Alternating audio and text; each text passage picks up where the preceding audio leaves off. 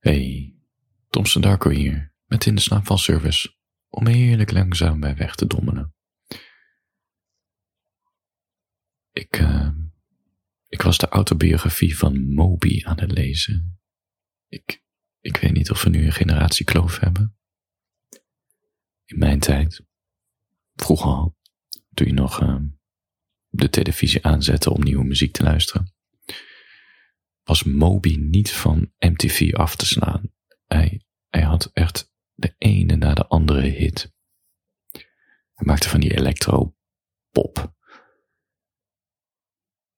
En hij verkocht toen, het was 1999, toen zijn album Play uitkwam, en heeft hij echt meer dan 10 miljoen cd's van verkocht. Nou ja, sowieso als je al überhaupt 1 miljoen cd's verkoopt, is al, is al uh, geweldig.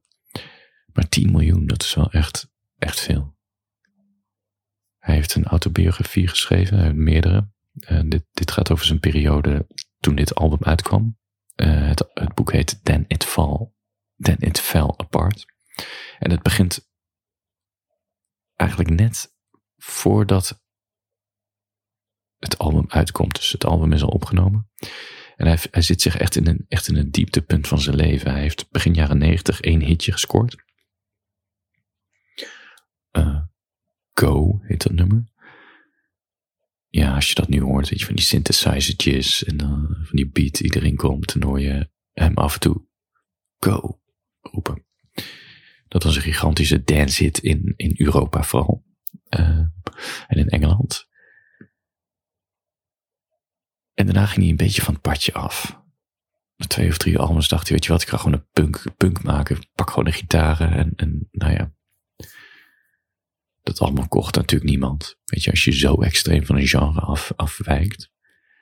En ja, hij was bijna failliet, vergeten, depressief, aan de drank, you name it.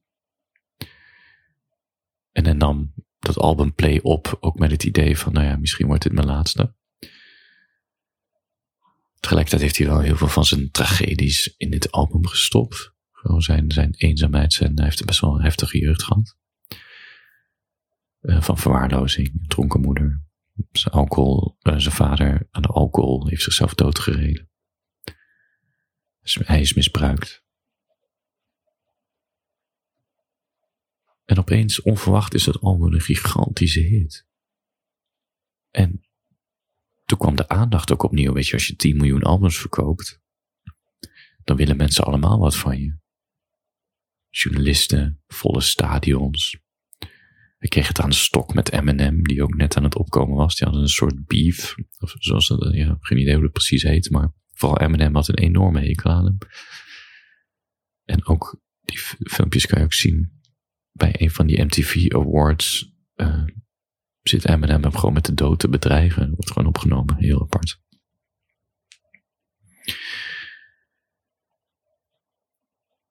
Het ding is, als je opgroeit met het idee dat je daar alleen voor staat, met een vader die, uh, die zichzelf doodrijdt. Een moeder die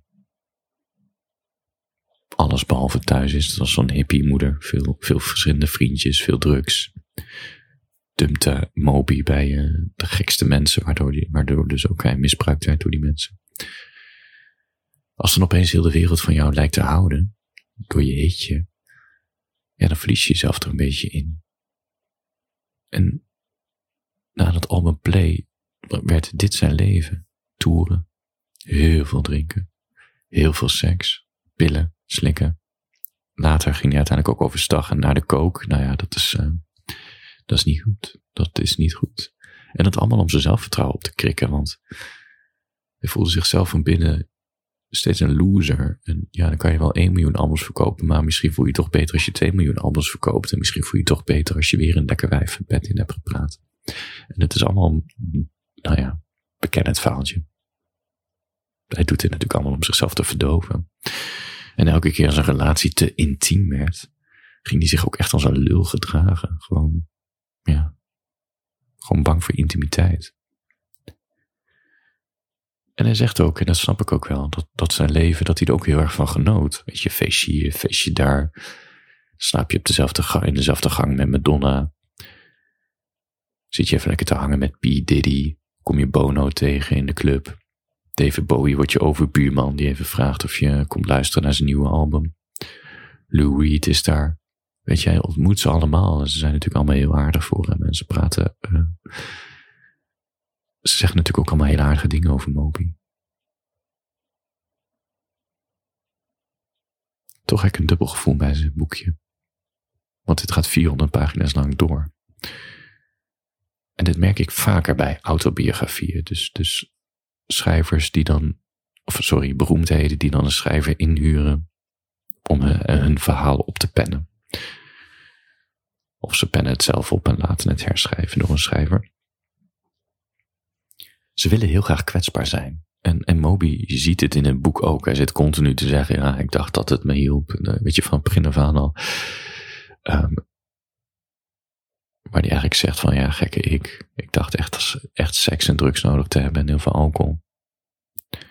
En dat is op zich oké, weet je, die kwetsbaarheid. Ik snap dat je op een gegeven moment tot een inzicht komt. Dat ik denk dat inzicht had je altijd al. Maar op een gegeven moment denk ik dat je leven gewoon niet verder meer kan op deze manier. Ja, of je gaat dood. Dus ja, dan kan je er beter mee stoppen. En dan, dan doe je maar net alsof je nieuw inzicht hebt gehad. En het licht hebt gezien. En dat je alles afzweert. Maar volgens mij hebben ze het altijd al geweten. Maar goed, dat is mijn mening. Het ding met die kwetsbaarheid is bij Moby dat hij zegt van het doet er allemaal niet toe hoeveel albums je verkoopt, hoeveel vrouwen je in bed lult hoeveel feestjes je hebt. Het gaat om het hier en in het nu, het zijn en het evenwicht vinden en mediteren, bla bla bla. En hij, ik geloof hem niet en ik merk het ook dat ik hem niet geloof, want hij kan het niet laten om toch op te scheppen. En opscheppen is iets anders dan dingen benoemen zoals er zijn gebeurd. Opscheppen is echt van, zie mij dan, die gewone jongen, die misbruikte jongen, die opeens een hit had, en dan vinden al die fantastische artiesten mij geweldig. Weet je, hij kan het niet laten om dat continu te benoemen. Ik, hij kan niet zeggen van nee, ik heb een paar uur met Bono uh, gepraat over de zin van het leven. Nee, ik heb met Bono gepraat en hij zei dat mijn album fantastisch was en bla bla bla. Weet je, dat, dat is gewoon echt opscheppen. En dat gaat het hele boek door. Kwetsbaarheid, terwijl het eigenlijk terwijl zijn ego nog steeds gevoed wil worden. Hij kan het niet laten om te vertellen door wie hij afgezogen is. Dus, dus welke beroemdheden aan zijn lul hebben gezogen. Met wie hij triootjes heeft gehad. Met welke Hollywoodster die heel veel drank heeft gedronken. En ik vind in zijn boek niks echt, nou, misschien een paar zinnetjes over de muziek die hij heeft, ondertussen heeft gemaakt als vorm van kunst. Als, als manier om zijn fans te pleasen of, of om zichzelf te uiten. Helemaal niks. It is all about the fame. Het draait allemaal om de aandacht, ondanks dat hij zegt dat aandacht hol is.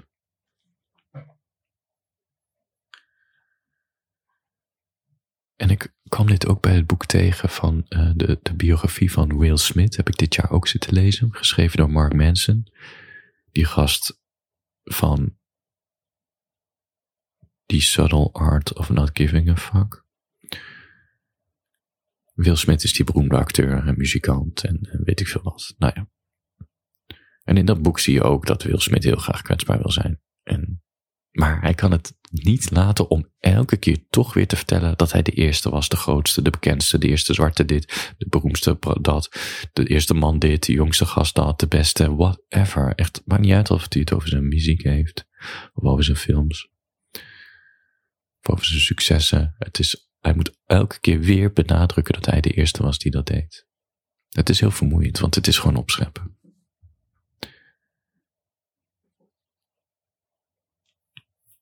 Mijn favoriete bandje uh,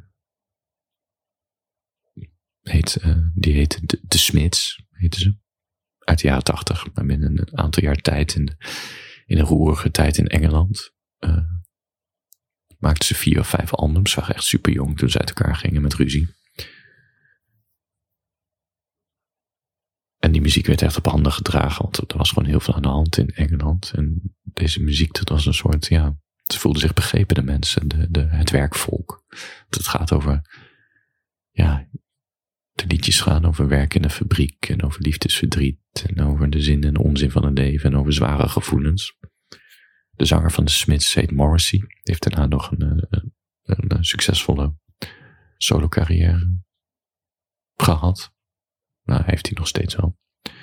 ook heel erg beroemd omdat het gewoon echt een lul is. Maar goed, dat, dat is waarschijnlijk wat al die aandacht van jongs af aan met hem gedaan heeft. Hij heeft ook een autobiografie geschreven. En die heet ook Autobiography. Grappige titel. En ja, ik vind het echt fantastisch om te lezen. Omdat, ja, het is, zo, het is echt een hele vreemde man. En ijdelheid is hem sowieso niet vreemd. Dat zie je van zijn uiterlijk. Weet je, zijn haren zitten altijd tipte op in orde. En hij is ook enorm melancholisch. Dat, merk je in die teksten. En, hij is ook niet echt een opschepper. Hij, eerder, hij draait het liever om. Dus in het boek komt hij Bowie, David Bowie tegen in een hotel. Voor weet ik veel, een awardshow of voor festival, I don't know. En dan staan ze in de ochtend in de rij om een beetje ontbijt op te scheppen. En dan zit David Bowie zo fluisterend te vertellen.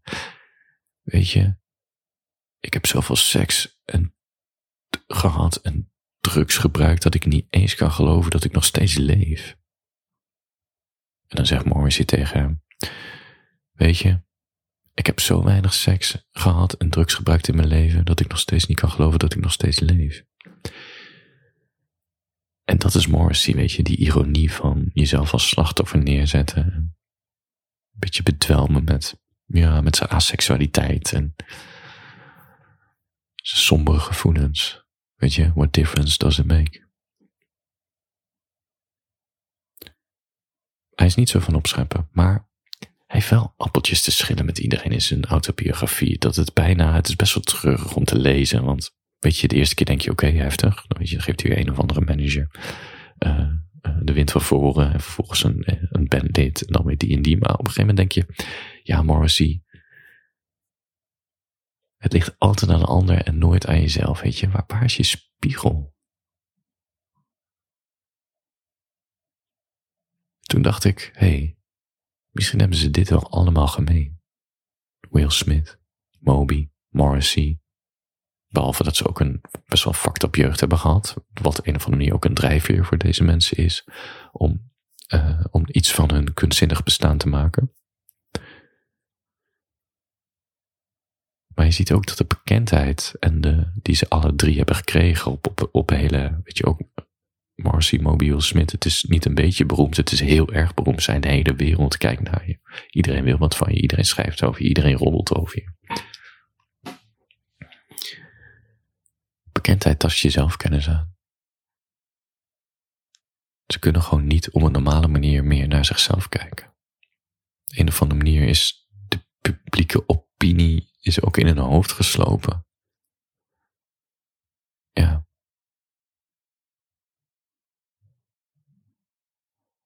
Bill Smith continu die drang om te zeggen dat hij de eerste, de beste, de grootste is. Moby constant die drang om op te scheppen over welke beroemdheden hij ontmoet heeft. Je ziet ook wel dat hij een heel laag zelfbeeld heeft eigenlijk, die Moby. Welke beroemdheden hij ontmoet heeft, wie aan zijn lul heeft gezogen. Alsof het het doet. Nou ja, en Morrissey eigenwijs zoals die is, die vindt dat iedereen hem pijn heeft gedaan en over zijn rug rijk is geworden, et cetera, et cetera. Terwijl hij natuurlijk zelf er elke keer bij was dat hij al die contracten tekende het maar op. Het tast gewoon jezelf kennis aan. En ik kan het ze niet kwalijk nemen, maar het is wel wat me opvalt.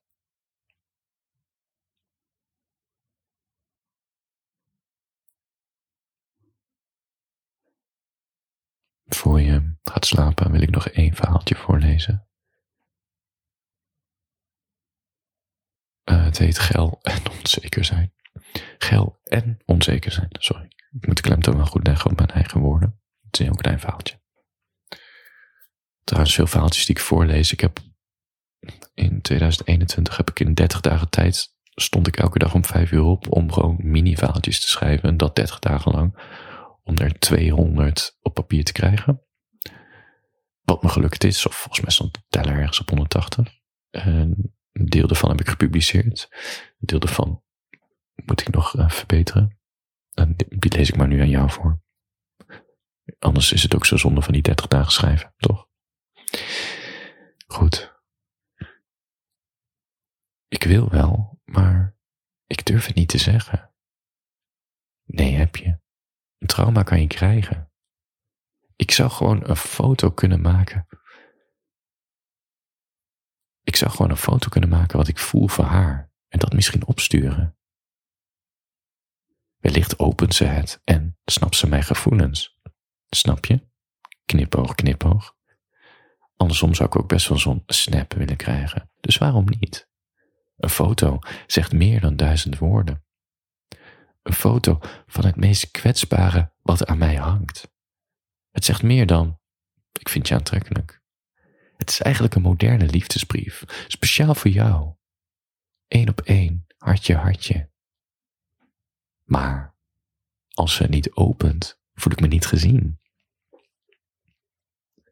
Als ze het wel opent en ze reageert niet, voel ik me afgewezen.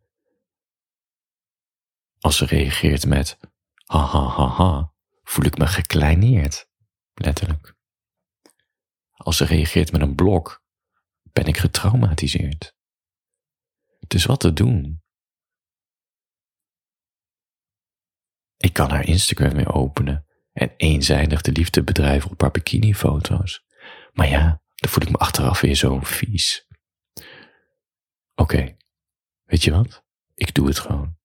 Hier, dit is wat ik heb. Dit is wat ik voor je voel. Alsjeblieft, ik wacht op je antwoord. Goed.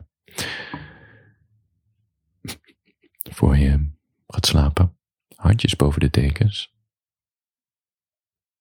Met een beetje geluk slaap je al. Dan kan je dit morgen nog een keer luisteren. Ik stuur nu een boodschap naar je onderbewustzijn. Luister morgen nog een keer naar Thompson Darko. Slaap lekker.